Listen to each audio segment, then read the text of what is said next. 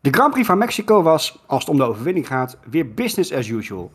Bij Studio Formule 1 worden we een klein beetje moe van de uitspraak, maar ook in 2023 was het weer Mexico. Daarachter gebeurde gelukkig genoeg met onder andere een rode vlag, uiteenlopende strategieën, een aantal puiken-inhoudraces en Sergio Perez die voor de zoveelste keer een poging doet om zijn carrière om zeep te helpen. Daarnaast heeft het een aantal journalisten de geruchtenmolen op volle toeren laten draaien, dus ons meer dan genoeg om over te discussiëren. Pak een hapje en een drankje, het wordt een lange zit, want we gaan van start met Studio Formule 1.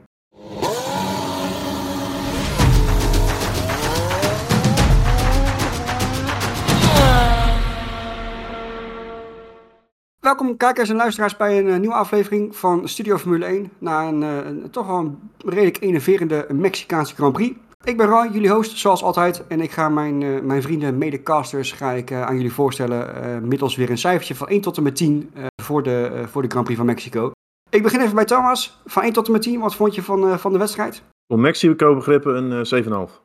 Mooi gezegd. Dan uh, ga ik me direct met je mee met de 7,5. Want ik had inderdaad hetzelfde als jij. Voor, uh, voor de begrippen uh, die we hebben gezien is het prima. Chris?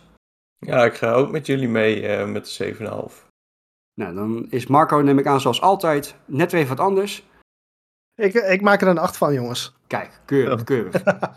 Eventjes een, een, een, nou, zal ik het een huishoudelijke mededeling noemen. zoals jullie allemaal als het goed is weten, benaderen we de race een beetje met behulp van een top en een flop. Eigenlijk elke aflevering komt daar een Max Verstappen wel in voor. Zoals ik aan het begin ook al zei, worden wij een beetje moe van het stukje Mexico. Zoals ook dit, weer, dit weekend weer het geval was. Dus we gaan ook gewoon een nieuwe regel instellen. Uh, we gaan Max Verstappen gewoon niet meer noemen. Uh, in ieder geval niet meer apart, want het was weer uh, magistraal en fantastisch. En er zijn helemaal deze race volgens mij genoeg uh, punten om te, op te noemen uh, om, om, om, nou, de, om een aflevering niet op goed te kunnen vullen. Je, je zegt het wel mooi, het is business as usual. Ja, het is echt ja. business as usual. Ja, dat, dat is het ook. Ja. En, en niks aan af weet je, is een, juist daarom, het is echt briljant. En het is eigenlijk ook bizar dat we dit allemaal zo normaal vinden. Um, maar we kunnen wel elke, elke aflevering weer 10 minuten gaan, gaan uh, de, man gaan ophemelen hoe goed hij is, want dat is hij ook. Maar er zijn nog 19 andere mannen die soms ook niet zo goed de race hebben gereden. Dus ik ga hem gewoon eventjes bij, bij Marco eerst de, de, bal neerleggen. Qua top en flop. Want jij gaf de race een wat hoger cijfer dan ons. Verklaar nu nader. ja, ik, um, ik heb afgelopen race heb ik enorm zitten genieten van, van, van, van mijn top van het weekend. En ik denk dat, dat dit een van de beste races van ook maar één persoon die ik dit seizoen heb gezien is geweest. En dat is Lando Norris. Wat, wat heeft die met een beetje, nou ja, wel een beetje door eigen toedoen natuurlijk op de zaterdag. Maar echt een bizarre race gezien. Ik heb dat dan zelden gezien. Dit, dit deed mij denken aan de race van Alonso in Valencia 2000, uh, 2011, zeg ik even uit mijn hoofd. 12. 12, dank je. Dat, uh, ik ben niet goed met jaren, jij wel. Daar deed mij dit heel erg aan denken. En Um, als we het hebben over een stukje entertainment, waren Lennon Norris, die, ik denk dat hij de, even de beste inhalers op, uh, op, op dit moment op de grid is. Um, en dat heeft hij dit weekend gewoon weer laten zien. Neem niet weg dat zijn weekend echt een valse start kende door nou ja, een hele slechte kwalificatie, door eigen toedoen. Maar dat op deze manier in de race rechtgekken, dat is echt fenomenaal. Ja, is ook opzond. Ja, die, die, die zondag was ook wel gewoon uh, bizar. En dan kom ik eigenlijk even terug op vorige week. Want toen heb ik Lennon Norris een slappe zak genoemd. Maar het lijkt wel een soort, hè, als je bij het voetbal hebt je aanvallers en verdedigers. Zijn aanvallende acties in Mexico, die waren gewoon heel erg agressief. Dat was absoluut geen slappe zak. En we kregen daar vorige week ook nog een uh, reactie over op, op Spotify.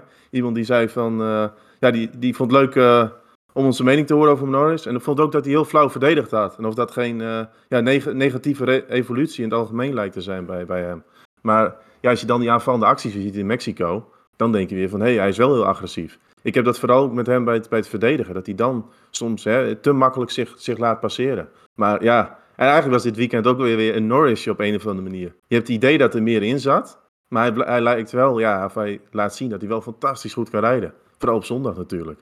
Ik, ik, ik, begrijp wel heel goed waar het vandaan komt. Um, juist in een seizoen waarin ik, ja, voor mijn mening, Lando op de, op de top van zijn kunnen heb zien rijden. En, en, wat jij zegt, voornamelijk in aanvallend opzicht. Leg dat daarnaast eigenlijk ook zijn grootste zwaktes bloot. En dat is een verdedigende kunstwerk. Um, en het moment om te pieken op het moment wanneer het nodig is. En het is dat dat zo zichtbaar wordt, is denk ik ook een stukje uh, een direct gevolg van de kwaliteiten die hij heeft en waar hij op dit moment zo in uitblinkt. Hoe bedoel je dat? Doordat Lando op dit moment zo snel is, legt het heel erg het, het stukje het afmaken bloot. Zeg maar, dat hij, dat hij daar nog niet is. En het, gewoon nog niet compleet genoeg is, of het gewoon ja. niet afmaakt wat hij start. Ja, wat jij zegt, het is, het is nog net niet compleet genoeg. Hij, heeft, hij is verschrikkelijk snel. Hij kan verschrikkelijk goed aanvallen. Op het moment als je vanaf P6 naar de top moet rijden, zou je eigenlijk verwachten dat hij hem gewoon naar de top moet kunnen rijden in een auto die competitief is. Het enige waar hij eigenlijk nog in kan groeien, en, en dat is iets waar hij komend jaar absoluut mee aan de slag moet, is het afmaken en het pieken op de juiste momenten. Want dat is waar hij op dit moment gewoon continu, continu naast zit. Ja, ik heb vooral het idee dat hij zich zelf op een of andere reden soort van aan het saboteren is. Zichzelf.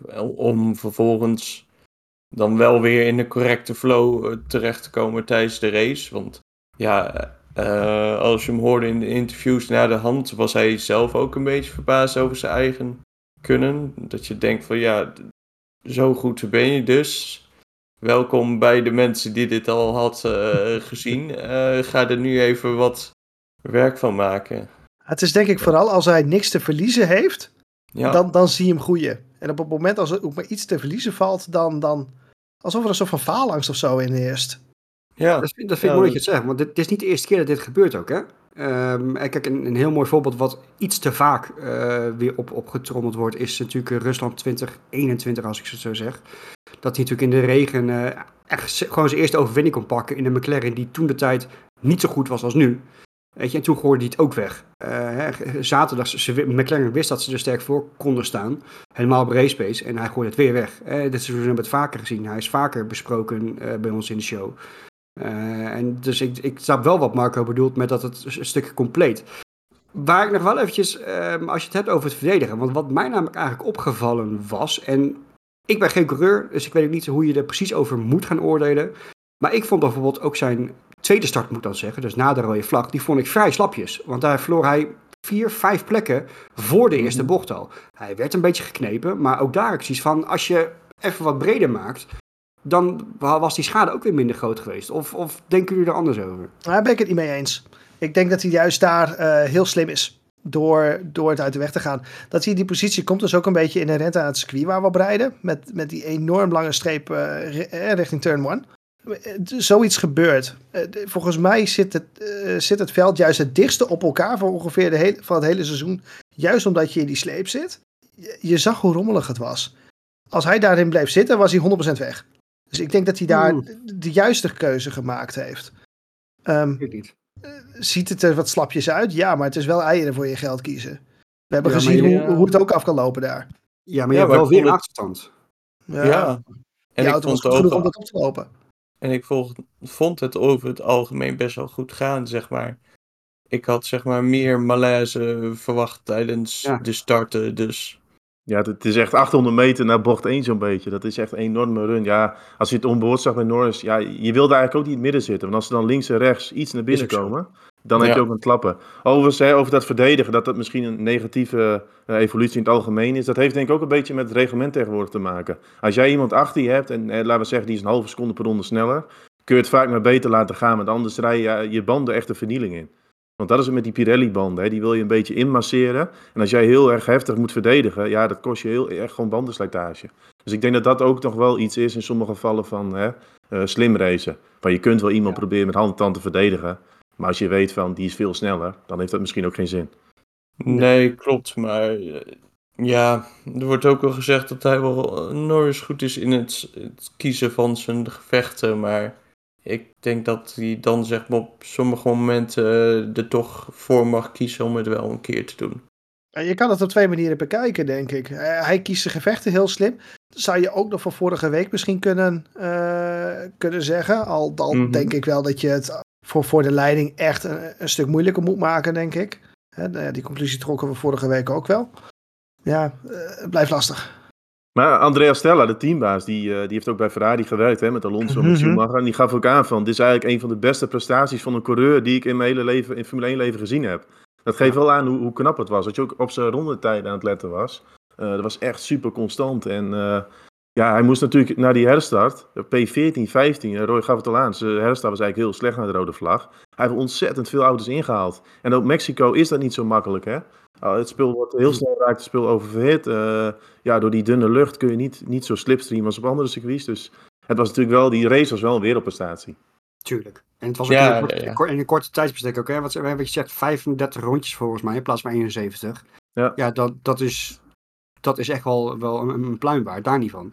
En ook een aantal acties die hij had. Hè. Ik vond eigenlijk de mooiste nog tussen bocht 5 en bocht 6. Heel klein stukje waar, je, waar hij hem gewoon ernaast duwt in de herpin. Uh, die later nog werd nagedaan door Logan Sargent. Ook wel weer zo bijzonder, maar goed. um, uh, maar de moes, het, het, was echt perfect uitgerekend. Ik, ik, ik weet niet of jullie dat, dat, ook herkennen, maar ik heb ook geen enkele keer het moment gehad van... Oh shit, dat gaat fout. Weet je, het was wel gecontroleerd in die zin. Ja, ja mee eens. Maar goed, dat, uh, zijn tijd komt nog wel. Daar, daar, zijn we allemaal van overtuigd. Uh, het duurt inmiddels een beetje lang, maar goed. Weet je, iedereen gunt die overwinning en iedereen weet waar hij toe in staat is. Maar hij moet inderdaad, ja, de laatste puntje op die, dat is het eigenlijk een beetje. Maar goed. Dat, uh, ja, dat denk ik wel. Jantje lacht, Jantje helpt, Marco. Ja, twee Jantjes. In oh, mijn nee. geval. de, de, de, ja, nou, hoe vergooi je je carrière in turn 1 in de Grand Prix van Mexico in twee edities. Uh, gedaan Checo Perez en gedaan Yuki Tsunoda. Exact kopie. Een kopie van hoe het absoluut niet moet. Uh, voor, voor de mensen die het overigens nog weten, uh, als jullie nog even een keer willen zien hoe het daar wel moet. Max Verstappen 2021. Buiten bij Lewis Hamilton. Dat is hoe het wel moet. Maar dit is voor twee rijders onder druk bij het Red Bull Concern. Is dit echt het was wel heel tekenend voor mij. En een, een, een plek waar je het niet moet doen. Perez overigens nog dommer dan het moment van Sonoda, moet ik zeggen. Voor, um, maar het leek ook wel een beetje een, een, een do-or-die moment. Ja, um, Maar niet een do-or-die voor, voor de race, maar echt een do-or-die voor zijn carrière. Ja, ja, ja. En, en, en om heel eerlijk te zijn, ergens vond ik het van Perez wel mooi. Ja, zeker. Nee, ik ben, ik ben super kritisch altijd op Perez. Ik vind het een middelmatige rijden. Alleen dit is wel een moment dat ik dacht... Ach, weet je, ik vind het ook wel mooi. Hij had zoiets. Hij start die Mexicaanse Grand Prix, vijfde plek. Hij weet die positie van hem, die staat onder druk. Hij dacht, weet je wat? Ik wil nog één keer gewoon geschiedenis schrijven. Ik wil die Mexicaanse Grand Prix winnen. Maar dat vergoedt een hele hoop. En hij had natuurlijk één kans. Hij had een megastart, echt een knalstart had hij. Want in principe gaat hij gewoon gelijk met Leclerc en Verstappen die eerste bocht in. Alleen ja, de fout die hij maakt, is hij had hem iets wijder moeten aansnijden. Maar je zag wel aan zijn hele rijden van, ik duik er gewoon vol in en we zien wel waar dit schip gaat stranden. Het is een beetje alsof je naar Las Vegas gaat, een casino, je gaat echt all in. En de kans is heel groot dat het in brokken afloopt. En dat liep het ook. Maar, 10.000 euro op rood gezet. Ja, nee, maar dit is ook niet helemaal desperes. Want zo'n actie, dat, dat doet hij niet vaak. Overigens wel over die start. We hebben het natuurlijk over Verstappen gehad. De rest van de race was business as usual. Reed hij gewoon weg. Starts van Verstappen waren wel geniaal, denk ik. Ja. Want uh, Mexico, die 800 meter naar bocht 1. Het is wel gaaf. Want je zag ook, hè, eh, vooral die eerste staat drie man dik naar bocht 1 toe. Ja, is en, fantastisch. Ja, Helmut Marko had ook nog een weddenschap met GP. Van Helmut Marko had gezegd, ja, let maar op Verstappen. Die gaat als eerste die eerste bocht in. En GP dacht, dat is niet mogelijk. Omdat, ja, Verstappen, die neemt natuurlijk niet zoveel risico meer als in het verleden bij de start. Maar ja, ik vond het, dat, dat vond ik dan wel heel knap. En ook de, de tweede start natuurlijk hetzelfde. Polstart is hier op zich niet zo'n groot voordeel. Ik, die tweede start was misschien wel knapper. Want ik denk ook dat, we hebben natuurlijk allemaal zijn uh, frustratie gegooid rondom toen die rode vlag. En ik weet 100% zeker dat een heel groot deel van die frustratie kwam door het feit dat hij als eerste moest starten. Hè, opnieuw een staande start, mm -hmm. want dat is natuurlijk ook de regel nu, hè, dat je gewoon na een rode vlag weer een staande start hebt.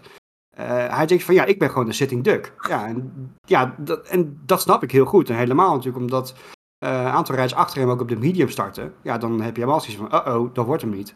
Uh, dus die maakt hem eigenlijk wat mij betreft nog extra knap. Want hij heeft volgens mij ook niet echt onder druk gestaan bij die herstart. Dus... Nee, niet echt. Nee, dat, dat, was wel heel knap denk ik aan, aan, zijn wedstrijd. En daarna was het dan, uh, ja, wat ik zei, business as usual natuurlijk. Maar ja, Perez, dat wordt wel spannend. En ook Tsunoda, ja, dat, dat is geen goede beurt.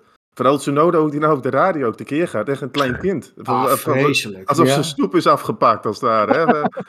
ja, het is echt ja maar ook zeg maar handgebarend in die auto in plaats van... Yo, uh... Terwijl hij nog spinde, hè? Terwijl hij nog spinde, ja. zit hij met zijn handen omhoog van wat ben je aan het doen? ja, terwijl hij zelf te vroeg instuurt. Dat je denkt van, daar is de bocht nog niet. Je moet nog een paar meter. Eigenlijk vind, vind, ik van, van Perez idem dito. Kijk, Tsunoda was natuurlijk uh, hè, tijdens de race op de boordradio. Van Perez hebben we dat eigenlijk niet echt op die manier gehoord. Maar uh, daarna ook in de pers en, en op, op Twitter, ik zou het maar wil noemen, uh, ook een reactie van, joh, het was een race incident. Nee, dat was het niet. Weet je, had, het had daarin een voorbeeld genomen aan Lewis Hamilton. Dat zeg ik niet vaak, maar in dit geval wel. want die was aan het begin, toen hij gecrashed was met Russell in Qatar, was heel kritisch op Russell. Hè, want dat is mhm. natuurlijk in de heat of the moment adrenaline. Uh, weet je, dat snappen we. Dat, dat mag ook, hè? Dat, dat, precies, dat mag ook. Maar hij kijkt daarna kijkt hij de beelden terug. Hij heeft zoiets van, oh, fuck, dit heb ik echt verkeerd gedaan. Hand in eigen boezem, boetekleed aan, aantrekken en klaar, weet je. Maar dit is dan zo'n reactie. Ik moet wel zeggen, hij heeft wel aan de leiding van de Mexicaanse Grand Prix gelegen. 0,7 seconden ongeveer. Maar hij heeft in ieder geval die prestatie dan wel weer gehaald. Uh, maar ja, was dit het het waard? Nee. je, je noemt Hamilton net, maar wat ik zo mooi vond in de cooldown room, is dat Hamilton die ziet dat gebeuren, die zei, joh, dit was net als ik in Qatar. ja, schitterend. Ja. Ja. Een, beetje, een beetje jammer dat, dat hij met een, met een woordje shit zei. Want toen schakelde ze natuurlijk weer weg. Want oh wee als de kindjes een woordje shit horen. Maar uh, verder, ja, briljant. Ook ik vind dat het zelfspot vind ik heerlijk. Dat, dat, ja, maar dat moet ook kunnen. Tuurlijk. Ja, maar wat ik dan wel, of althans, ik had het idee dat het daarna ook een stuk rustiger was op tribunes uh, na de Checo eruit was. ja, ja, dat, ja. het feest daar was voorbij. Dat vond ik wel leuk trouwens in de training en ook kwalificatie. Iedere keer als hij dan stadiongedeelte inreed, dan... Uh, en ik denk dat dat dan ook... Ja, maar dat werkt denk ik ook wel mee aan zo'n zondag. Hij had die knalstart en uh, ging bijna aan de lei. Hij dacht, nu ga ik er ook gewoon vol, vol erin. Ja, ja, weet je, voor het publiek wil je misschien ook wel echt een mooie show van maken. Ja, natuurlijk. Maar het is, het is ook, ja, misschien is dat ook wel weer het gevoel wat je moet hebben als rijder. Ik denk, als we iets wijder aansneed, had hij ook best wel een goede lijn nog kunnen hebben. En dat weet je aan de buitenkant in Mexico. Ja, je, bent je, je hangt er gewoon naast en dan ben je gewoon de lul. Ja. Maar goed, zoals ik al aan het begin ook al bij de intro al zei, het is de zoveelste poging van, van Perez om zijn carrière om zeep te helpen. Dus uh, dit gaat niet helpen. En zoals ook al vaker gezegd dit jaar, dit wordt nog vervolgd. Ben ik 100% van overtuigd. Maar dat gaan we waarschijnlijk in de komende weken wel zien. Komen dik ik zo nog even kort op terug, maar dat, dat, gaan we zien. Omwille van tijd, ik heb al gezegd, het wordt een volle bak aflevering, dus we moeten wel door. Dus ik ga het stokje overgeven aan de Thomas. Altijd lekker kritisch. Wat vond jij ervan? Wie is jouw top in flop? Nou, ik vond dit weekend uh, Leclerc, die, die, sprongen wel, uh, die sprongen wel voor mij uh, bovenuit. Natuurlijk de pol, had ook niemand verwacht. Ik vond Ferrari eigenlijk tot aan die kwalificatie ja, een beetje matig. Waren zelf ook niet heel optimistisch. Ja, en dan pakten ze de pol. En in de wedstrijd had ik eigenlijk verwacht van, nee, dan zakken ze wel weer terug. Maar in die eerste stint, Verstappen natuurlijk die superstart en pakte de kop. Maar Verstappen reed maar 4,5 seconden denk ik weg bij Leclerc in 18 ronden. Dat, dat viel echt 100% mee, denk ik. Alleen, ja, en tot dan toe was het denk ik voor Leclerc top. En dan na de herstart op de harde band, dat was denk ik bij Ferrari een stuk minder. Ja, zwak tempo, maar uiteindelijk een podium. ik vind wel dat Leclerc wel een goed weekend heeft neergezet, al met al. Mag ik even wat zeggen over zijn pole position? Ja. Het moment dat hij een pole position pakt, uitgerekend in Mexico, waar Paul niks waard is. Ja, dat, dat, dat is Leclerc. Dan heeft hij een keer, hè, dan zit het een keer mee dit jaar in de kwalificatie. En dan heb je, kom je op een circuit waar Paul het minst waard is. Van ja, alle, het is Leclerc ten uitstek dit seizoen. Ja, dat, dat zit niet helemaal mee. 100%. En, en ik denk ook die herstart, en hij zat best lekker in de wedstrijd. En die herstart die kwam denk ik ook niet goed uit. Maar het verbaasde me wel uh, dat Ferrari ineens zo slecht op de harde band ging. Ze waren ook wat lift, lift en coast aan doen, de boel uh, te managen qua temperaturen. Maar de grip was er ook gewoon echt niet meer. Nee. En dat, ja, dat is een beetje bij Ferrari. Het lijkt heel gevoelig te zijn op welke compounds ze rijden. De zachtere compounds ging nog goed. En een behard lijkt het wel, ja, bijna alsof ze in, op een andere auto of in een andere auto uh, aan het rijden zijn. Ja, toch, zijn, zijn pull-to-win ratio, zoals dat in het Engels zeggen, is wel bedroevend laag wat dat betreft. Hè? Dat is echt wel heel erg jammer. En het is wel tekend voor de coureur die hij is. Hè? Altijd op het randje, maar het wil dan net niet bij Ferrari. En volgens mij is Verstappen nu ook. Eh, ik, ik, ik heb het exacte staartje niet helemaal voor me. Maar volgens mij is dit echt de tiende of de elfde wedstrijd die Verstappen wint, die Leclerc van Pol is, is gestart. Weet je, dat is, dat is ook wel pijnlijk hoor. Heeft Max niet een betere pole-to-win ratio dan Leclerc met zijn eigen pols heeft? Uh, ja, je bedoelt, ja, ja, ik snap wat je bedoelt. Ja. Volgens mij zou misschien, ja. Nu is dat ook wel eigenlijk bij Ferrari al jarenlang voor mijn gevoel auto's, hè, die qua DNA, dat ze in de kwalificatie vaak veel beter zijn dan wedstrijdtempo. Ja. Ja, en daar koop je tegenwoordig niet zoveel meer voor. Want ja, je kunt in de wedstrijd, je komt gewoon op race pace aan. Hoe ga je met die Pirelli-banden om? En dan kun je met een DRS en met strategie altijd wel weer voorbij komen. Ja. ja. Overigens denk ik wel. niet leren. Leclerc veel pech uh, af en toe. Maar ik denk wel dat hij heel veel geluk had dat hij geen meatball kreeg. Want natuurlijk dat incident bij uh, bocht 1 met, met Perez. Nou ja, dan zie je die voorvleugel. Dat wappert volgens mij al twee ronden hartstikke los daar. We hebben eerder in het seizoen best wel snel een meatball. Uh, het verbaasde mij als kijker uh, dat die meatball niet kwam. Ik denk dat ze daar bij Haas nog aan het stuiteren waren. Ja, want ik kan me herinneren met Haas. Dat echt binnen een halve ronde waren ze dan met een meatball. En nu mocht, mocht Leclerc best wel lang doorrijden. Op een gegeven moment waait dat stuk eraf. Ja, dus ik denk dat dat wel uh, een gelukje was dan. Ook eigenlijk best wel tekenend hoe weinig invloed downforce, of hoe, ja, ja, hoe, hoe weinig downforce je hier eigenlijk hebt. Hè? Want dat stukje was eraf. En dat had er nul effect op zijn tempo wat dat betreft. Ja, er is geen lucht daar. Of nee. nee, daarom. ja. ja, die vleugels hebben gewoon minder effect. Dus ja, daarom. Dat was ook het idee. Ze reden Monaco vleugels rond op een circuit dat, dat eerder Monza vleugels verwacht. Ja, precies. Best wel heel bijzonder hoe dat, hoe dat dan is. Ja. ja, daar leek het wel op. Ja, en, en er wordt natuurlijk gespeculeerd, was het de fout van Ferrari op die harde band te gaan? Ja, dat vind ik... Achteraf is dat altijd makkelijk zeggen van ja, ze hadden ook die medium moeten nemen, dat ze daar goed op gingen. Maar ze hadden alleen maar een uh, gebruikte medium. En ja, Ferrari is niet goed op bandenslijtage. Dus ik snap de angst dat ze dachten van ja, die medium, misschien storten we op het eind wel helemaal in elkaar. Dat kon ik best begrijpen. Weet je, achteraf is dat altijd heel makkelijk, denk ik, praten. Tuurlijk. In dat geval. Want ze, ja, ze hadden dus de keuze niet voor die, voor die verse, verse medium. Tuurlijk. Maar aan de andere kant had ik nog een uh, flop. En dat is, gaat hem een beetje om de Campiasti, waar ik zelf niet zoveel aan doen, want dat is mijn flop. Maar weet je, daar is een hele hype om die man. Ik heb al vaker bij ons ook aangegeven, vorige week ook nog uit. Ik vind zijn race pace vind ik echt beduidend minder dan Norris. En dat is bijna iedere wedstrijd het geval. En ik zie daar ook nog niet direct een stijgende lijn in. Ik snap de hype wel. Ik vind het ook een hele, hele snelle coureur. Alleen soms denk ik wel van die hype, die is wel wat beetje overdreven. Want ik vond ook deze wedstrijd Mexico weer. Norris komt van achteren. Piastri uh, staat vooraan en uiteindelijk wordt hij gewoon voorbij gereden. Nu had hij na het incident met Tsunoda wel wat schade, hè, er was wat downforce. Maar dan heb ik ook zoiets van, dat jij met Tsunoda in gevecht was, dat geeft ook wel aan hoe de race pace van Piastri uh, dit keer was. Tuurlijk. Want als ik dan Norris door het veld zie rijden met een McLaren en Piastri die is met uh, Tsunoda in de slag. En dat vind ik toch wel, ja, wel een punt. Ik zie daar ook niet echt dat je zegt van, er zit echt veel verbetering in in die race pace. Het, het, verschil was dit weekend ook wel echt, echt groot. Hè? We hebben, het, het, het is vaker, hè? we hebben dit, wat je zelf ook zegt, vaker aangehaald bij ons. Maar het verschil was afgelopen weekend wel echt heel groot. En natuurlijk en Norris echt driver of the day terecht en had een, een briljante wedstrijd. Maar dat maakt het ook extra pijnlijk. Hè? Dat, dat hij dan terugzakt terwijl Norris klimt. En, en het is niet eens in de buurt blijven, het is gewoon afstand nemen. En dat is wel pijnlijk. Ja, maar ook Suzuka was het bijvoorbeeld ook al het verhaal. En in Qatar was het dan uh, naar verhouding redelijk goed. Maar daar denk ik, Piastri, de mazzel, dat je daar een soort van constant sprint staat. Je mag maar 18 ronden met je banden doen. Dus hè, de mensen die last hebben van bandenslijtage, die worden daar best wel uh, mee geholpen. En ja, weet je wat ik zei, van, er is natuurlijk een hele hype om hem heen. En dan heb ik ook het idee van, iedereen gaat er als een papegaai achteraan, want het is een nieuwe Verstappen. Maar Verstappen had, naar mijn idee, aan het begin direct al in zijn eerste jaar, was bandenslijtage, had hij dat echt wel onder controle hoor. Dat is ook iets wat je in je vingers moet hebben. Dus ik ben wel heel benieuwd van, hè, kan iemand dat verbeteren? Ja, kijk, het is natuurlijk misschien anders. Hè. Hij zal dit, dit, deze winter ook meer betrokken worden bij die auto en dergelijke. Weet je, dat zal misschien ook wel weer uitmaken. En Norris is ook geen koekenbakker. Hè. Dat is overduidelijk. Dus Nee, nee, nee, zeker. Maar het gaat me meer, kijken, gaat me meer om het beeld wat nu geschetst wordt. Zoals we ja, een nieuwe Verstappen hebben. En ik zie ook wel, het is een heel groot talent. Hij is hartstikke snel, dat gaat het ook verder niet om. Alleen, ja, bandenmanagement is best wel een ding. Want we hebben in het verleden wel meer coureurs gehad. Die waren super snel. Bijvoorbeeld een Bottas was ook altijd heel snel in kwalificatie. Maar in de wedstrijden moest hij het altijd toch afleggen tegen Hamilton op de lange run. Ik, ik begrijp de vergelijking in, uh, in die zin ook wel. Kijk, Max had, uh, toen hij net begon, had hij ook zijn dingen en, uh, en zijn kwaliteiten waar hij absoluut nog op moest verbeteren. Max was onbesuisd, Max was te, te, te grof in, in gevecht. Nou, dat heeft, daar vind ik Piastri een, een, e-, echt heel erg sterk in gevecht. Ik vind hem daar goed en mooi op het randje kunnen rijden, maar hij is ook absoluut niet onbesuist. Weet je, daarnaast ligt het feit dat hij misschien iets minder bandenmanagement heeft, waar Max dat, de, hè, waar Max dat dan wel heeft. Dus weet je, dat zijn ook verschillende kwaliteiten die je op, op en af moet trekken van elkaar. En het een zie je ook iets beter dan een ander. Max was altijd heel snel um, en was met iedereen in gevecht omdat nou ja, hij zo snel was. Piastri kan nog groeien in zijn stukje bandenmanagement, waardoor hij het over een langere race straks wat weer laat zien. Dus weet je, dat, dat, dat gaat wat langer. Het lijkt wat langzamer te komen. Maar ook Max had tijd nodig. Ja, nee, dat klopt. Zeg maar, het is ook pas zijn eerste jaar, dus ik vind zelf ook niet dat we zo hard hoeven te, te oordelen.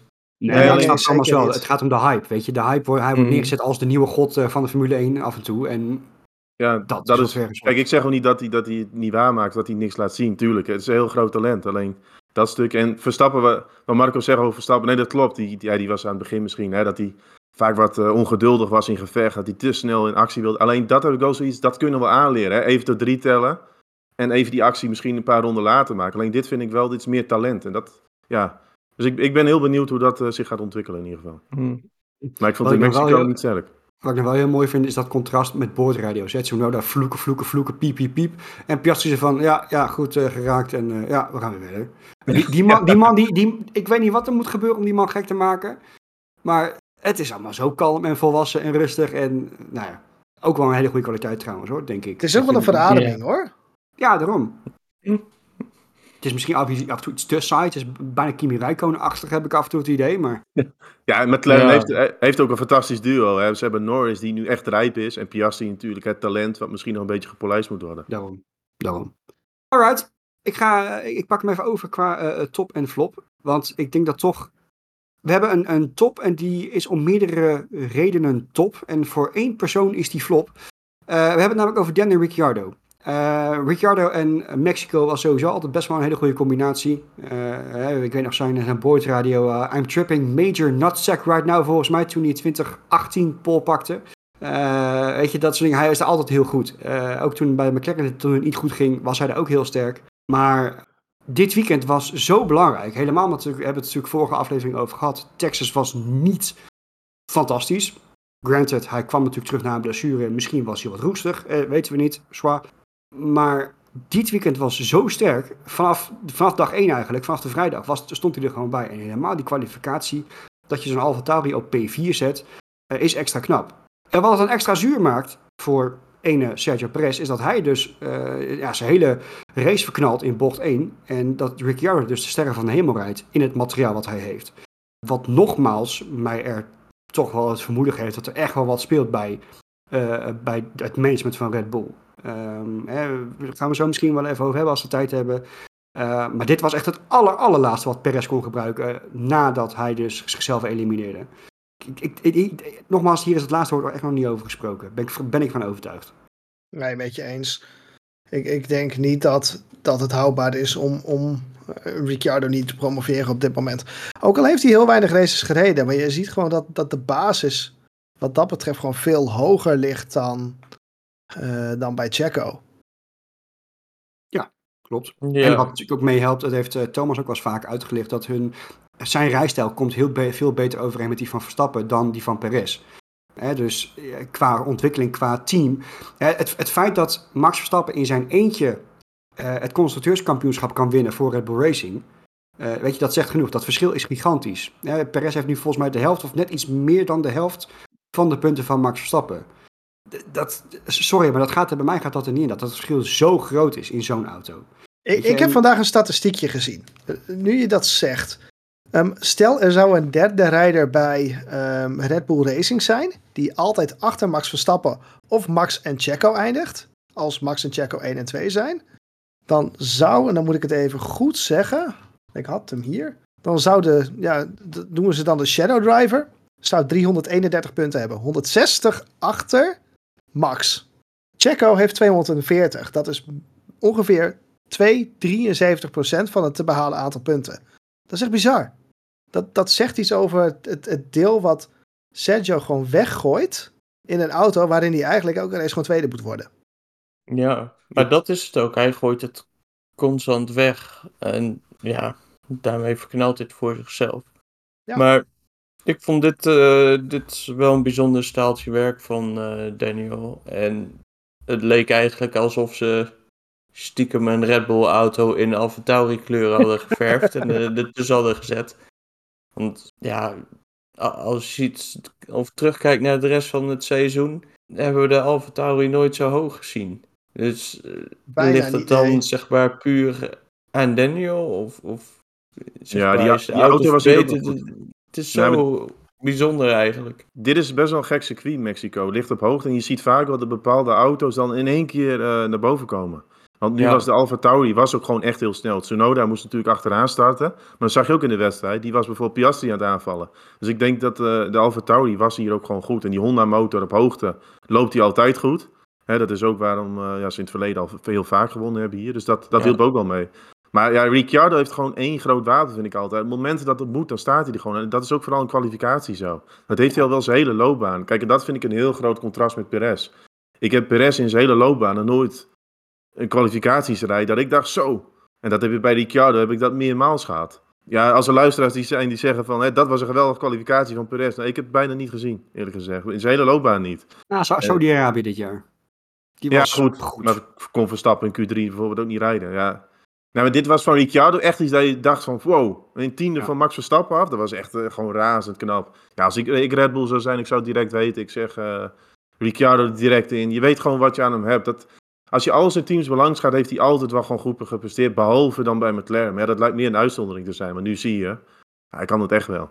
en dan, dan, eh, eh, roepen mensen in Nederland, hè, die misschien wat uh, Nick de Vries-minded zijn, die riepen op een gegeven moment van, ja, wat moet Ricciardo daar nou? Uh, die schiet je ook niks mee op. Ja, dat zie je dit weekend al. Het is gewoon uh, Larikoek. Ja. Want die heeft gewoon echt wel bewezen. Ja, maar dat, dat, dat, klopt. Ricciardo haalt letterlijk de kolen uit het vuur van AlphaTauri op dit moment. Met, met, met, met één race. Nou, dat zegt al heel wat. Twee ja, plekken tegen in het constructeurskampioenschap. Ja. Van 10 naar 8. Dat, dat, dat zijn echt miljoenen wat dat waard is. Dat ook. En, en Horner uh, maakt hij het gewoon heel makkelijk op een gegeven moment. Uh, ja, als Perez een twijfelgeval is, dan heb je gewoon een Ricciardo. Een hele goeie. Overigens, dat vond ik wel leuk. Ja, dus die interviews na de kwalificatie uh, met Christian Horner. Die zei van, ja, we zijn wel blij met de derde plek van Verstappen. Hè. Is hier niet zo verkeerd. En toen zei hij doodleuk van, ja, we zijn ook heel blij met Ricciardo op P4. Oh ja, en ook met Perez op P5. Terwijl eigenlijk, hij is nog geen teambaas van Alfa Tauri. Dus eigenlijk met die vierde plek voor Ricciardo heeft hij in directe zin niks te maken. Dat was denk ik ook wel een beetje een verspreking. Hij was heel ja, blij Ja, dan denk je van, waarom? Dat is, dat is een heel ander team. Dus dat was ook wel... Ja, dat, dan zie je wel van, Horner wil gewoon heel graag Ricciardo uh, zo snel mogelijk in die Red Bull ziet. Liever nog in Brazilië dan uh, volgend jaar. Ja, ja, maar ik ben wel benieuwd wat hij nog uh, de komende paar races nog laat zien. Ja, dat, dat is natuurlijk wel... Dat ook hè? zo goed is. Want hij moet natuurlijk nu wel nog, nog minimaal één of twee keer zoiets laten zien. Nou, P4, weet je, dat, dat zou moeilijk gaan. Maar echt, echt weer zo'n uitschieten. Want het moet natuurlijk niet, niet eenmalig zijn. En dat viel me wel op trouwens. Helmut Marco en Horner gaf wel in ieder interview aan van... Uh, ja, Perez die zit er volgend jaar weer.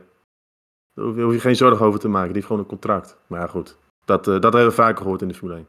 Nick de Vries had ook een contract. Ja, daarom.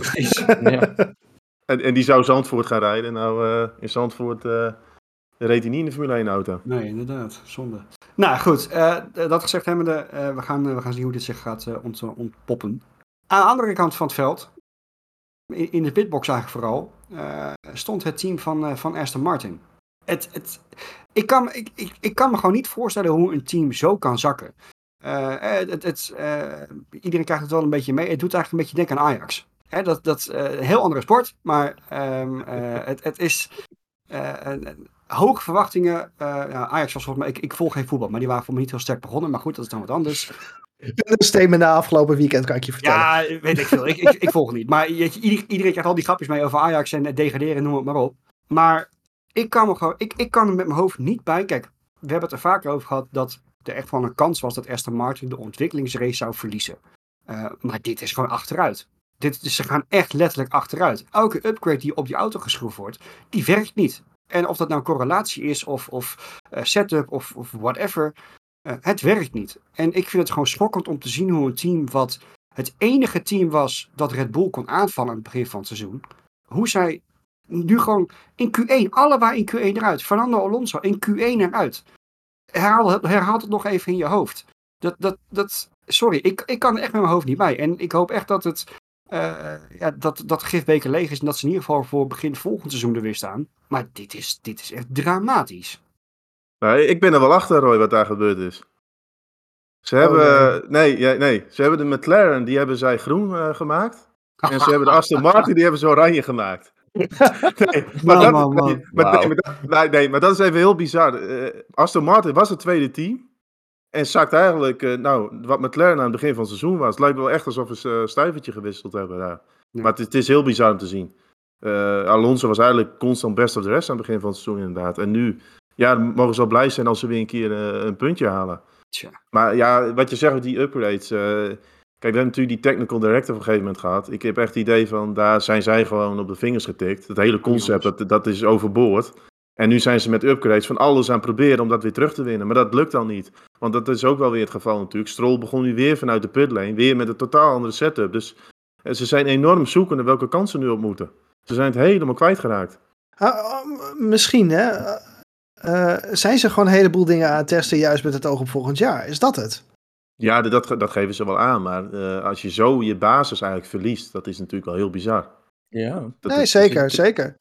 Het doet me een beetje denken aan Haas van een paar jaar terug. Toen waren ze ook op een gegeven moment aan het ontwikkelen. Ja. En toen zijn ze ook echt weer teruggegaan naar zeg maar de ja. dag één auto. Uh, van oké, okay, uh, alles uh, hop, het, het raam uit, nieuw vel en opnieuw proberen. Want daar lijkt het een beetje niet op. En ik vind het ook wel echt verbazingwekkend dat ze gewoon niet in staat zijn om nog fatsoenlijke race uit te rijden. Nee, oké, maar kijk, zoals in Texas, uh, toen Stroll ook uit de pit startte. Hè, heel andere setup, uh, upgrades ver veranderd volgens mij. Toen had hij gewoon echt, daar hebben we het nog over gehad, had hij echt, echt een goede race met die auto die hij toen had.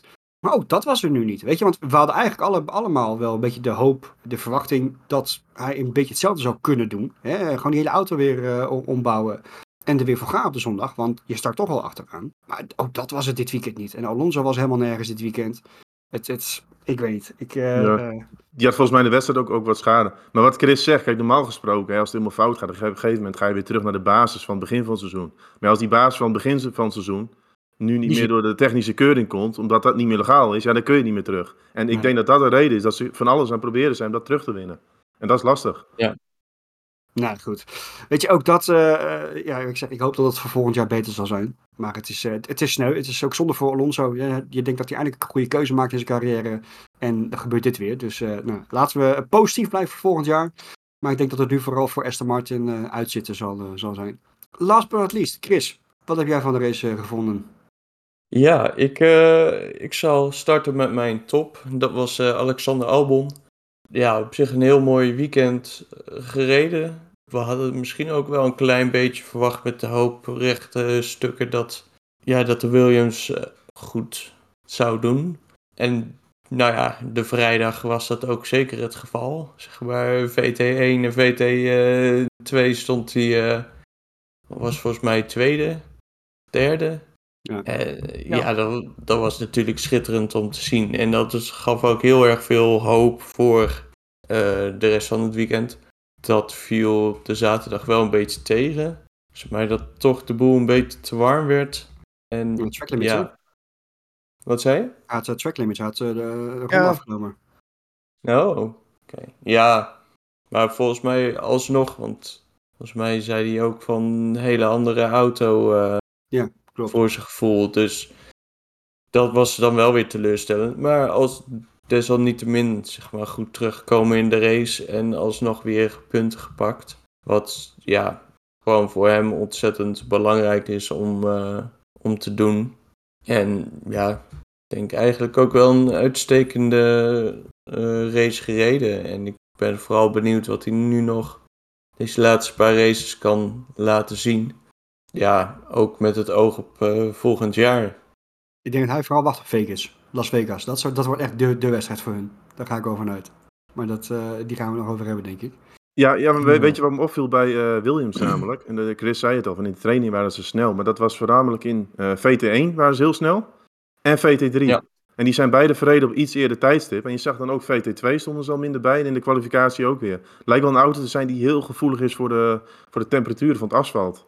Uh, ja, dat is überhaupt natuurlijk lastig. Die, die Pirelli-banden die opereren in een klein window en je wil ze precies op die temperatuur hebben. Want je had, uh, je had op het gegeven moment wel die idee in die training van ja, eh, misschien kunnen ze echt stunten hier. En dat viel dan uiteindelijk weer een beetje tegen. Maar ik denk zeker uh, Las Vegas, als dat niet zo warm is. Nou, ja, dat kan dat Williams. niet. Nee, dat is het daar niet. Dus ik kan Williams echt wel eens verrassen. Die hebben ook een enorme stap gemaakt hoor, gedurende dit seizoen. Want dat was vroeger een, vroeger een auto die kon maar één ding, dat was hard rechtuit. En als ze de bochten doorgingen, ja, dan stonden ze stil zo wat. Maar dat is echt niet meer zo. Dat is Beetje als de beste uh, Amerikaanse muscle car. Ja, precies. Ja, ik wilde net gaan zeggen, NASCAR of zo. Dat, uh... ja. ja, ja, zoiets. ja, maar wat, wat, ik alleen wel gek vind, want eh, dat, dat ze in de training goed gaan en dan quali en race, uh, vooral quali dan wat minder. Dat, dit was niet het eerste weekend dat dat gebeurt ook. Hè? Ze zijn heel vaak in de training zijn ze, zijn ze sterk. Ook op racepace trouwens, dat is ook zo apart. Uh, en dan als er echt op aankomt in de kwalificatie. Het is nog steeds niet slecht hoor. Ik bedoel, Albon heeft echt, uh, nou, denk ik wel acht, negen keer voor mijn Q3 gehaald. Wat gewoon super knap is met die auto. Maar uh, precies wat Thomas zegt. Van je, je ziet hem op vrijdag zie je hem, en op zaterdag zie je hem dan een aantal keren in top 3 staan. Dan denk je van, oh, dit, dit wordt wat. En dan heb je toch zo'n, nee. En we hebben, volgens mij hebben we toen tijdens de Grand Prix van Italië, hebben wij, of in ieder geval drie van onze vier, hadden Albon in de top 3 voorspeld was misschien meer voorspelling uit het hart dan uit het hoofd. Maar dan nog, weet je, had wel de verwachting. Blij dat we dit weekend niet gedaan hebben. Ja, nou, wat dat betreft, ja, precies. Weet je, daar valt het toch een beetje tegen. Maar... En dan zat er wel naar die trainingen natuurlijk. En je weet natuurlijk ook niet wat de motorstanden zijn, uh, brandstof. Bijvoorbeeld als je Ferrari zag, die stonden in de training helemaal niet bij. In die kwalificatie gingen zo twee tot drie seconden harder volgens mij. Ja, ja. dat weet je dan ook niet natuurlijk. Daarom. Maar goed, uh, manifesteert zich als teamleider. En ik denk dat er echt wel een, een, een, als zijn contract bij Williams afloopt, zal hij echt wel een belangrijke speler zijn voor de rijdersmarkt, denk ik. Hij is goed ontwikkeld sinds zijn tijd bij uh, Toro Rosso slash Red Bull. Dus ik, zie het, ik zie het wel gebeuren, maar goed. Ja, um, zeker. Je gaat hem negatief afsluiten. Ik ben benieuwd. Ja, ja er waren in de race niet zo heel veel flops. Maar er was wel één ding wat ja, toch flop zei uh, tijdens de race. En dat was uh, de linker achteras van Kevin Magnussen. Dit meen en niet. wat een, ja, een hele bizarre crash was. En ook best wel beangstigend. Want zeg maar als coureur, je gaat een rechte bocht in en je stuurt naar rechts. Dus je verwacht naar rechts te gaan. Maar auto zei van nee, we gaan naar links. En ja, je zag ook heel erg aan hem dat hij zoiets had van wat zie je Wat, wat gebeurt hier? Je zag maar een soort van van de auto wegrennen en op die techo uh, barriers klimmen van ik moet hier zo snel mogelijk weg, want wat, is niet leuk hier. Wat de fuck gebeurde er? En, ja, was een beetje zoals, uh, zoals Adolf Mol wel vaak zei, was een beetje wiebel die wapski ook. Hè? Een beetje, echt, echt een beetje van zijn apropos uh, toen, toen die uitstapte. Ja. maar ik snap het wel. Je stuurt rechts en je auto duurt naar links. Wat voor rare power-up heb jij nu gepakt? Ja, nee, maar ik kan me het best wel voorstellen dat je als rijder opeens heel erg aan jezelf gaat twijfelen van wat heb ik nou gedaan terwijl je auto gewoon knak zegt. Ja, letterlijk. Ja, ja. Vrij ja, letterlijk. Dat, ja, maar dat was ook bizar dat zeg maar die as gewoon dacht van uh, nou, er gewoon mee ophield. En, ja. dat kwam uiteindelijk door de, door de remtemperatuur. Alles wordt zo oh. heet in Mexico. En uiteindelijk heeft daardoor ook de ophanging begeven. Die remmen werden zo warm. Ja, dat, dan wordt alles aan die linker achterkant wordt dan heel warm. En op een gegeven moment dan... Ja, dat begeeft dat, dat spul het gewoon. Want dat je is zag natuurlijk... op een gegeven moment ook wel heel veel remstof. Dat klopt hoor. Ja, dus dat heeft uiteindelijk tot, tot, het falen die geleid. Die rem ook in effect naar de hand nog. Dus. Ja. Ja. ja, dat heeft uiteindelijk tot het, tot het falen dan geleid. En dat is ook wel waarom hè, Mexico, we gaan die cijfers. En dat is wel, Mexico is best wel lastig race. Als je heel lang achter een ander blijft zitten, op een gegeven moment dan wordt het spul zo heet ja, dan, dan moet je eigenlijk wel afhaken. Of ja, je krijgt misschien dit soort Fransen. We hebben dat bij Hamilton bijvoorbeeld ook een aantal malen gehoord op de boordradio. Van ja, zak maar even iets terug, laat even koelen en probeer dan weer aan te vallen. Want dat, dat is gewoon wat het lastig maakt. Sowieso de Mercedes, op een gegeven moment hadden ze DRS, maar ze bleven niet in de slipstream zitten. dat, dat was heel apart om te zien, maar ja... En, Ferrari, dus over de hele grid. En dat is wel, ja, Mexico maakt het aan de ene kant leuk. Aan de andere kant, je ziet daar niet hele spannende races. Omdat je dus, uh, dat wordt een extra handicap voor het volgen natuurlijk. Ja, klopt. Ja, maar op zich ook wel weer interessant met een uh, lang rechtstuk van bijna een kilometer. Het is je, je, hebt dat, je hebt dat voordeel van een lang kilometer met DRS heb je dan weer niet. Dus je, je hebt wel iets van een voordeel, maar die is minimaal. Puur vanwege de, de, de mindere luchtdruk. En, en het feit dat je eigenlijk niet in slipstream kan rijden, omdat een heleboel uh, bijna in de fik vliegt. Ja. Ja. Eens. Maar, uh, maar totaal eens met je flop, uh, Chris. Je, je, vrij letterlijke flop, moet ik ook zeggen. Want dat, was, uh, dat was niet. Ik, ik denk overigens wel dat ze zich een klein beetje zorgen maken bij Haas. als, als zoiets opeens kan gebeuren. Dat ze wel zoiets hebben van. Nou, weten we zeker dat we daar niet echt een structureel te, probleem opeens te pakken hebben? Mexico is wel een uitzondering. Hè? Dat is gewoon een Grand Prix waar alles heel, heel warm wordt. Overigens wel, ja, ze hebben natuurlijk die upgrade. Maar goed, als je me zo plat ben wel benieuwd in Brazilië hoe dat er dan qua onderdelen dan voor staat. Dat is natuurlijk niet heel lekker. Moet ik zeggen, maar ik zie nog weinig effect van de upgrade, moet ik heel eerlijk zeggen. We hebben andere teams besproken, hè? Williams met, met Ler natuurlijk vooral. Zeg met die upgrades enorme stappen, Alfa Tauri bijvoorbeeld ook. Maar bij Haas, ik zie nog niet een hele grote stap, als ik eerlijk ben. Eh, niet een grote stap. Ik heb wel de indruk dat ze iets van een stap gemaakt hebben. Hulkenberg heeft echt, echt wel een leuke race neergezet tot ongeveer zes ronden voor het einde. Ja, dat, maar had een trein van, heb ik jou erachter zitten. nee, daar ben ik... die tempo had. Nee, dat klopt wel. Maar ik had wel de indruk dat uh, ze iets langer door konden op die banden dan ze voorheen konden. En in, in die zin wel een stap gemaakt, maar ze zijn er nog zeker niet hoor. Begrijp me niet verkeerd. Hmm. Nee, ze gaan denk ik ook niet voor het einde van de race nog komen. Dus. Nee. Of uh, einde van de race, einde van het seizoen. Einde van het seizoen, nee, dus ook wachten ja. volgend jaar natuurlijk. Ja. Uh, was trouwens wel leuk dat Hulkenberg. was echt, zo, echt weer zo'n ouderwets treintje wat je daar zag. Iedereen, ja, iedereen, ja, iedereen steeds dat klepje open. En uh, Ocon die gaf wel aan van, ja, ik kom eraan hoor, ik uh, kom je inhalen. Maar dat, dat, duur, dat duurde best wel lang. Dat is echt de boordradio van het jaar wat mij betreft. Ja, ja, ja, uh, briljant. Ik wil even oh. één ding zeggen, Sergeant. Ik denk dat jullie het niet met me eens zijn. Ik vond het een goede racerijder totdat hij in het treintje van, van Hulkenberg terecht kwam. Die kwam geen meter weer vooruit. Nou, voor Sargent te doen was het een goede race. Laten we het daar het was weer een degelijke race die niet uh, het einde van zijn carrière betekent, laat ik het zo zeggen. Nee, nee het was, dat was voor, voor, zijn nee. doen was, was het alleen wel, alleen wel bonus zuur dat hij dan de laatste ronde zijn fuelpump sloopt en dan gewoon naar binnen rijdt. Ja, dat was. Uh, we zaten te kijken allemaal. We zeiden van, hè, wat doet die Sergeant nou? Die gaat de laatste ronde, ging die nog de pits in. Ja. ja die zat met, met zijn fuelpump. En je moet natuurlijk ook je brandstof natuurlijk, hè, sample maar, afgeven. Ja, nou, daar waren ze denk ik bang voor. Want als ze dat nu ja. niet konden afgeven, dan hadden ze voor komend weekend hadden ze zo'n probleem. Dan pakken ze een penalty. Ja, ja dat ja, zeg maar na de finish nog weer stil ja. komt staan. Ja, dan krijg je disqualificatie. Maar weet je, dan zit je als team natuurlijk ook niet zo op te wachten dat ze het fratsen. Hmm. Oké, we moeten wel echt door. Ik wil nog even één dingetje even aankaarten wat, wat mij echt opviel, wat ik echt hilarisch vond. Toen, na die uh, crash van Magnussen had je natuurlijk een rode vlag. Zag je op een gegeven moment zag je een beeld van die hoofdtribune. En die was, ik denk, drie kwart leeg. Ik wil niet weten hoe lang de rijen waren voor de wc's en voor de, de eetkraampjes. Want echt, iedereen ging tegelijk eten en drinken halen. Dat, uh, die viel wel op. Die, die, dat, ja, ik snap het natuurlijk wel, want die rode vlag is ook terecht. Het duurt wel eventjes, maar goed. Ik denk dat we eventjes uh, uh, toch even kort naar, uh, naar volgende week alweer moeten. Want het is de, de laatste, het laatste hoofdstuk van de, de laatste triple header van het seizoen. We hebben nog drie wedstrijden natuurlijk te gaan. Brazilië, altijd een bijzondere wedstrijd. Bijzonder, bijzonder circuit. Weer is daar heel, heel vaak van invloed. Um, en dit weekend natuurlijk weer de laatste sprintrace. Speciaal voor Thomas. Um,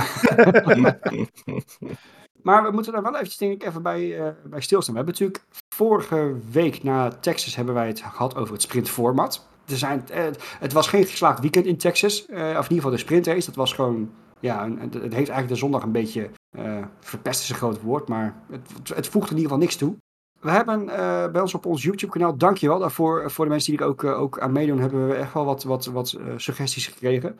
Thomas, zou jij me even kort willen, willen doornemen? Want er zijn toch wel wat, wat ideeën gekomen, ook bij de FIA bij, bij fans überhaupt, wat we er mee, aan moeten. Maar zou jij me eens kunnen, toelichten?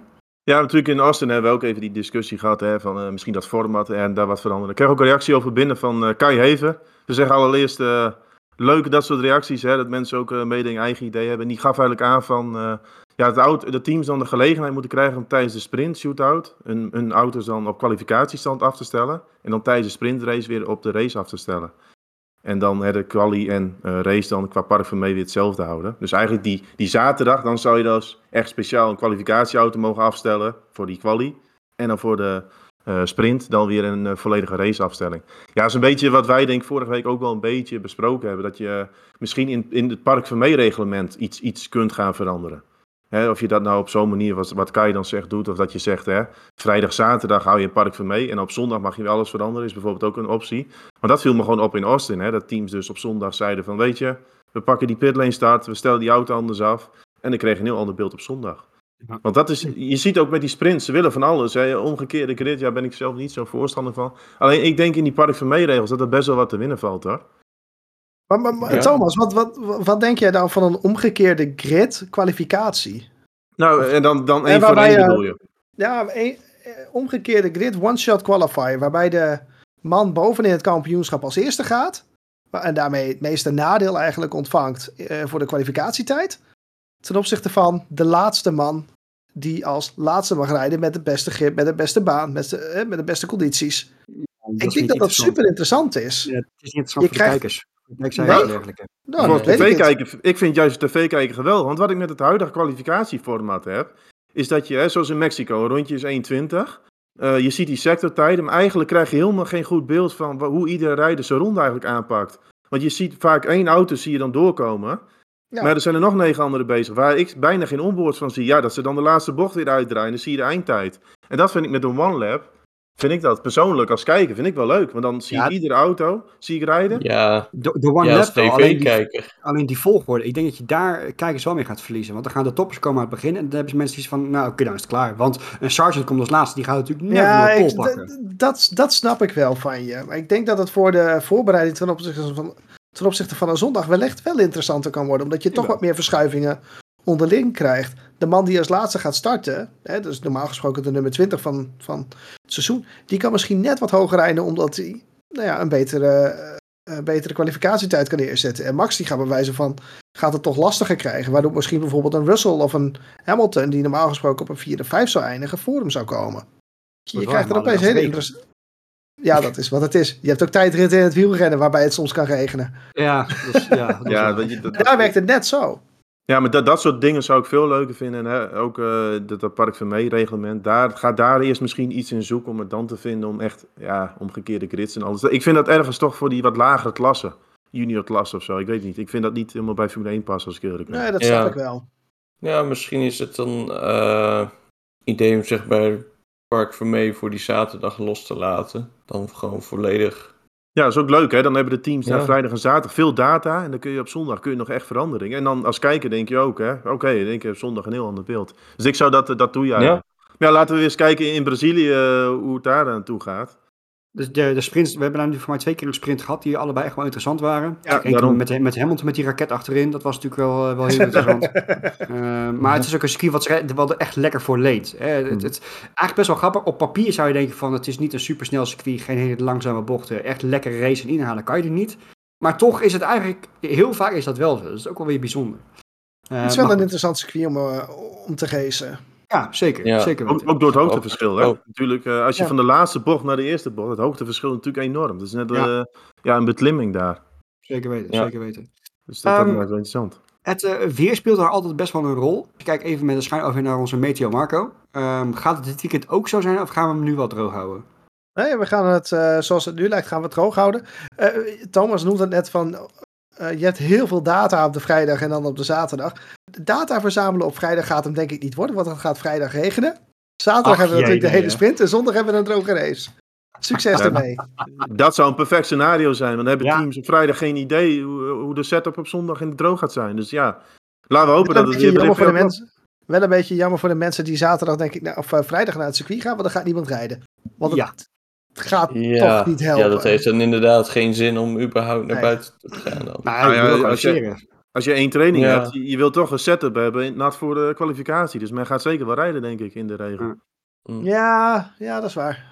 Ik heb er wel zin in. Sowieso, het is altijd zo'n heerlijke Grand Prix bord op schoot. Uh, zes, uur, zes uur start hij volgens mij. Dat is altijd wel, uh, wel lekker. Ja. Uh, dus, we gaan Leuke fans. Want in Mexico hadden we natuurlijk, heb je wel heel fanatiek publiek. Natuurlijk ook een knokpartijtje.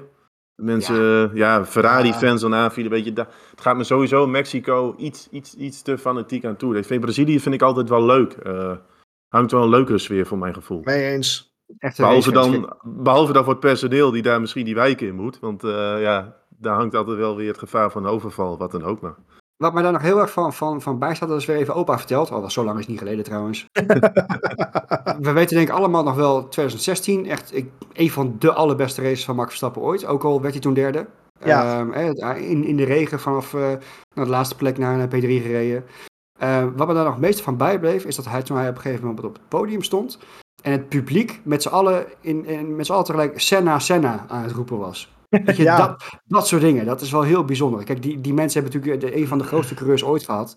Uh, en dat publiek weet echt wel wanneer een grootheid rondrijdt daar. Zo. Hamilton is daar immens populair, uh, omdat het mm. gewoon een van de beste coureurs is. En Verstappen, idem dito. Die mensen die hebben echt wel kennis van zaken wat dat betreft. Zijn super gepassioneerd. Uh, dus het is echt een motorsportland, hè? Ja, wat dat betreft ja. wel. Ja, een, grote brede interesse, zeg maar. Niet zozeer van één Verstappen gaat in zijn hele loopbaan geen grote compliment van, van het publiek krijgen als, als dat je in Brazilië Senna genoemd wordt. Nee, dat, dat, is, dat, dat ben ik zeker met je eens. Groter kan het niet. Ja, daarom, daarom. Even heel kort, hebben we outsiders, hebben we favorieten? Nou, vorig jaar, eh, dat vind ik wel interessant. Mercedes was vorig jaar hier heel sterk. Russell die won hier de Grand Prix en ook uh, Hamilton zat er heel goed bij, maar het voor mij een incident met, met Verstappen. Dus ja, als je dan dit jaar zegt van hè, misschien kan Mercedes hier dan wel wat. Het zijn, vooral die middensector is wel apart, met heel veel middensnelle bochten ook. Ja. Waar, waar misschien de Mercedes best wel goed in kan liggen. Dus ik ben wel benieuwd. Hebben we nog uh, teams, uh, bijvoorbeeld een Aston Martin, zal die hier ook weer door de mand zakken, denken we? Ja. Nou, die, die, ja. die, die, ja, daar verwacht zijn... ik niks meer van, dus... Uh... Nee. Die weten nog niet eens hoe ze hun auto moeten afstellen. Shit, moment. Ja. Pijnlijk. Oké, okay, goed. Nou ja, misschien komt het daardoor juist goed, want er is ook amper een kans om wat fatsoenlijks op te stellen. Dus, uh... Zit wat in. Zit wat in. Nou, goed. We gaan zien. Ik wil van jullie weer een schaamteloze voorspelling. Uh, sprintwinnaar en top 3. Ik begin een keer bij Thomas. Sprintwinnaar. Uh, laat ik dan van Mercedes gaan. Russell, weer. En okay. hoofdrace Verstappen, Russell, Hamilton. Oké. Okay. Ja, ik, ik, ga me gewoon met vorig jaar ga ik mee. Misschien dat Mercedes wel weer sterk komt. Misschien ook een beetje hoop. Moet, moet je een beetje strijd hebben vooraan. Als we ja, oké. Okay. Okay. Ja. Chris? Ik ga voor de sprint voor Hamilton. En de hoofdrace uh, Verstappen, Hamilton, Norris. Oké. Okay. Marco? Uh, sprint voor Hamilton. Ik zie Mercedes toch wel doen. race Hamilton, Verstappen, Norris. Dat zou gaaf zijn trouwens. Als Hamilton in Brazilië wint, dat, dat zou ook gekhuis worden voor, voor hem en voor het publiek. Gaaf. Ik, ik okay. ben het wel eens met wat, uh, met wat we verwachten. Mercedes is heel sterk, denk ik, op dit screen. Gaat zien. Ik zeg uh, Piastri gaat de sprint winnen, want sprinten kan hij nog wel. En, en de race zal het al binnen zijn. Uh, Verstappen wint op zondag, Norris 2, Hamilton 3. Dus dat gezegd hebben we. Goed. We hebben het proberen kort te houden, want het was natuurlijk heel veel te bespreken, ook voor ons. Maar we gaan wel eventjes een, een, een nabrander doen. Geen nabrandertje. Heeft te maken met, een, een, wat ik aan het begin ook al zei, een aantal journalisten heeft uh, de geruchtenmolen echt heel erg aan wakkeren. Er is een, een journalist, Albert Fabregra. Fra, Dia, hebben, ja, hebben we het vaker over gehad. Is vaak best wel goed geïnformeerd. En die gooit er een, een, een post uit op X uh, gisteren, ja, na de race, een paar uur na de wedstrijd. Van uh, wat ik nu heb gehoord, ik hoop niet dat het waar is. En dat was het. Oké. Okay. Nou, ja, maar het is heel erg um, uh, ja, suggererend. Maar als hij zoiets post, dan ja, kan het best wel. Nou, daar gaan heel veel mensen over praten. Zo ook wij. Je leest echt allerlei dingen. Uh, Marco, jij zei het uh, in onze voorbespreking nog dat er iemand zelf suggereerde dat um, Michael Schumacher nu officieel overleden zou zijn. En dat lijkt me wel heel erg ver gaan. Ook een beetje luguber, maar... maar... precies, dus nou goed, laten we daar niet op hopen.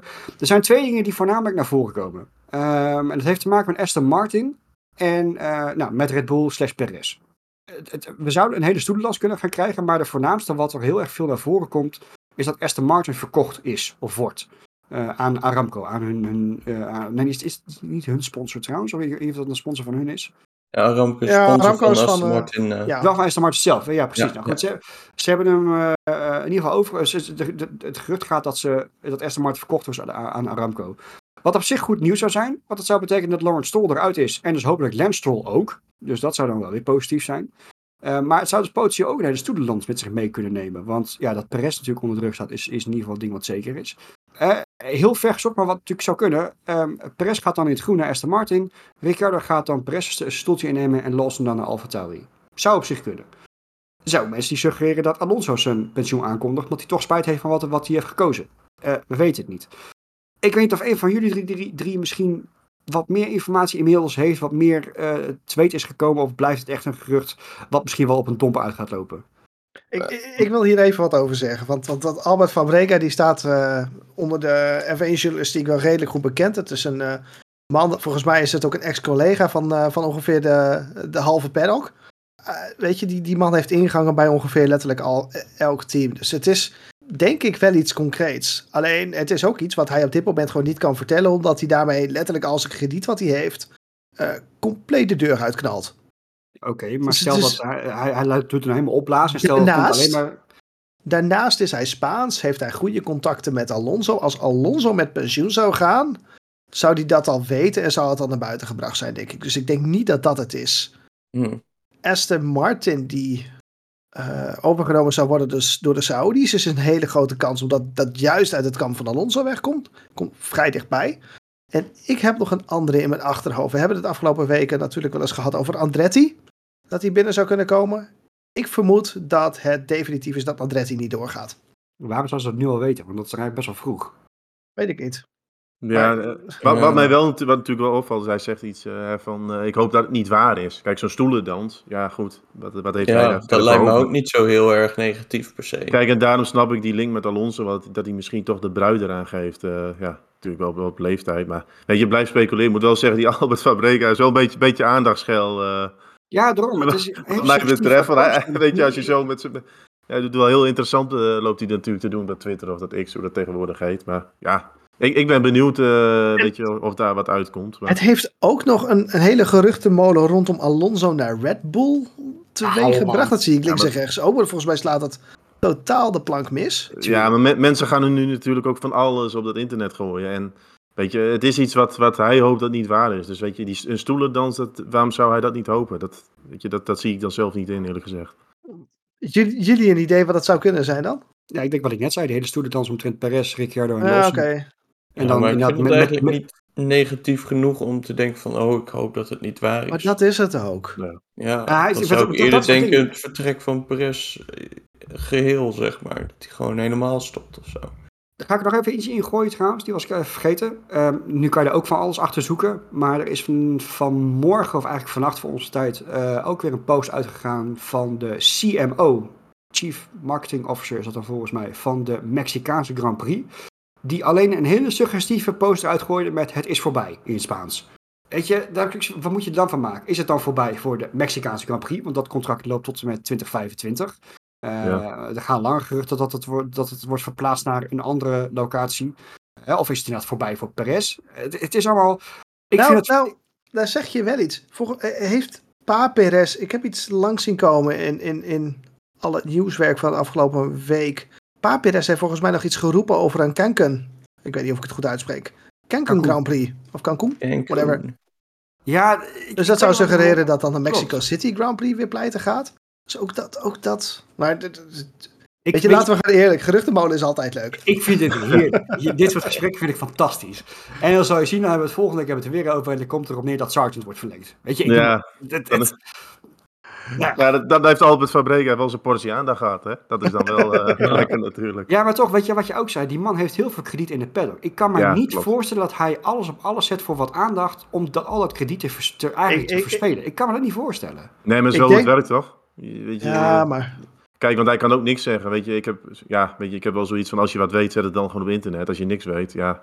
Hij, hij kan het niet, niet, niet kwijt en dat snap ik ook wel. Je gaat je bronnen natuurlijk beschermen. Weet je, dat heeft, in Nederland heeft Erik van Haar, dat van de Telegraaf natuurlijk, die is heel close met de Verstappers. Ja, als Daar, daar ooit misschien iets naar buiten komt, dan gaat hij het ook niet direct zeggen. Want ja, die gaat niet zijn banden met, die, uh, met de Verstappers natuurlijk verbreken. Nee, zeker niet. Logisch. Nou, ja, we zijn benieuwd wat, het, uh, wat er gaat gebeuren. Ja, als, er, als er wel wat uitkomt, dan wordt de volgende aflevering nog langer. Dus excuses alvast. um, dat, dat, dat, gaan we zien. Voordat we hem gaan afronden, ik heb een uh, dikke nabrander gehad. Hebben we nog een nabrandertje voordat we gaan, uh, gaan afsluiten? Ik heb eigenlijk nog een hele, hele kort over de Mexicaanse Grand Prix. En dat vond ik dat Hamilton, het heel knap was dat Hamilton de laatste ronde de snelste ronde reed. Dat was, uh, blijft de koning natuurlijk van de bandenslijtage met Verstappen. En dat, dat vond ik nog wel een moment, hebben we niet besproken, maar was wel een moment dat ik dacht van zo, dat is wel weer echt Des Hamilton. Hè, banden sparen op het eind nog even zo'n snelste ronde eruit rijden. Vond ik wel weer knap. Ja, jij dacht, we hebben Mercedes de hele, de hele aflevering amper genoemd, dus die moet nog even de uh, Ja, de die moet nog even, even genoemd worden. Dat vond ik toch wel knap. ook, uh, ja, was wel verrassend wat mij betreft, dat Hamilton op oude mediums nog even die snelste ronde kon aanscherpen. Dat was knap. En het verschil met ja. Russell was weer knap groot, hè? Ja, eigenlijk een beetje... Had iets van schade, maar... Ik vond eigenlijk het verhaal wat we over McLaren, hè, Piastri, Norris, qua race pace, dat kun je bij Mercedes ook wel. Hè. Lewis is momenteel op race pace echt stukken sterker dan Russell momenteel. En dat, ge, dat gejank van Russell op de boordradio over Sainz die uh, moving on the brake en wat hij helemaal niet deed. Mama, maar ik word echt soms zo moe van die man op de boordradio hoor.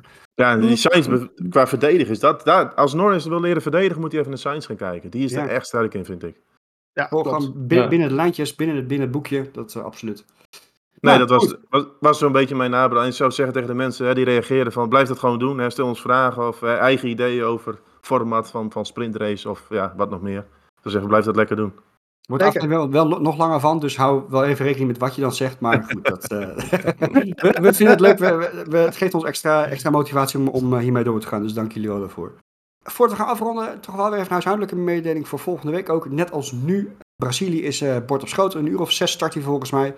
Is voor ons net wat te laat voor ons werkenden om dat zondagavond nog op te gaan, te gaan nemen. na de wedstrijd. Dus we gaan hem weer op maandag doen. Dus of maandagavond of dinsdagavond staat hij weer online voor, voor onze volgers.